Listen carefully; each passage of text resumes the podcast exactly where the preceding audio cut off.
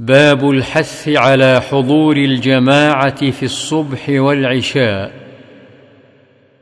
عن عثمان بن عفان رضي الله عنه قال سمعت رسول الله صلى الله عليه وسلم يقول من صلى العشاء في جماعة فكأنما قام نصف الليل.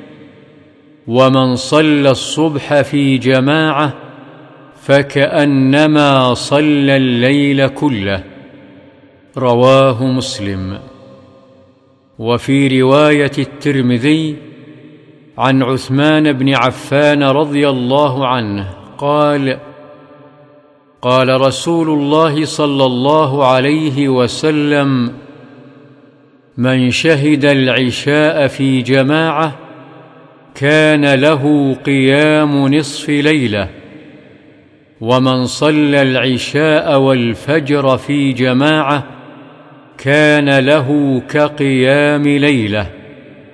قال الترمذي حديث حسن صحيح.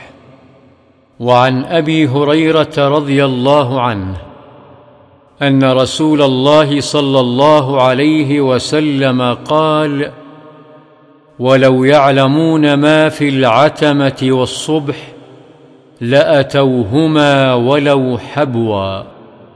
متفق عليه. وقد سبق بطوله. وعنه رضي الله عنه. قال قال رسول الله صلى الله عليه وسلم ليس صلاة أثقل على المنافقين من صلاة الفجر والعشاء. ولو يعلمون ما فيهما لأتوهما ولو حبوا. متفق عليه.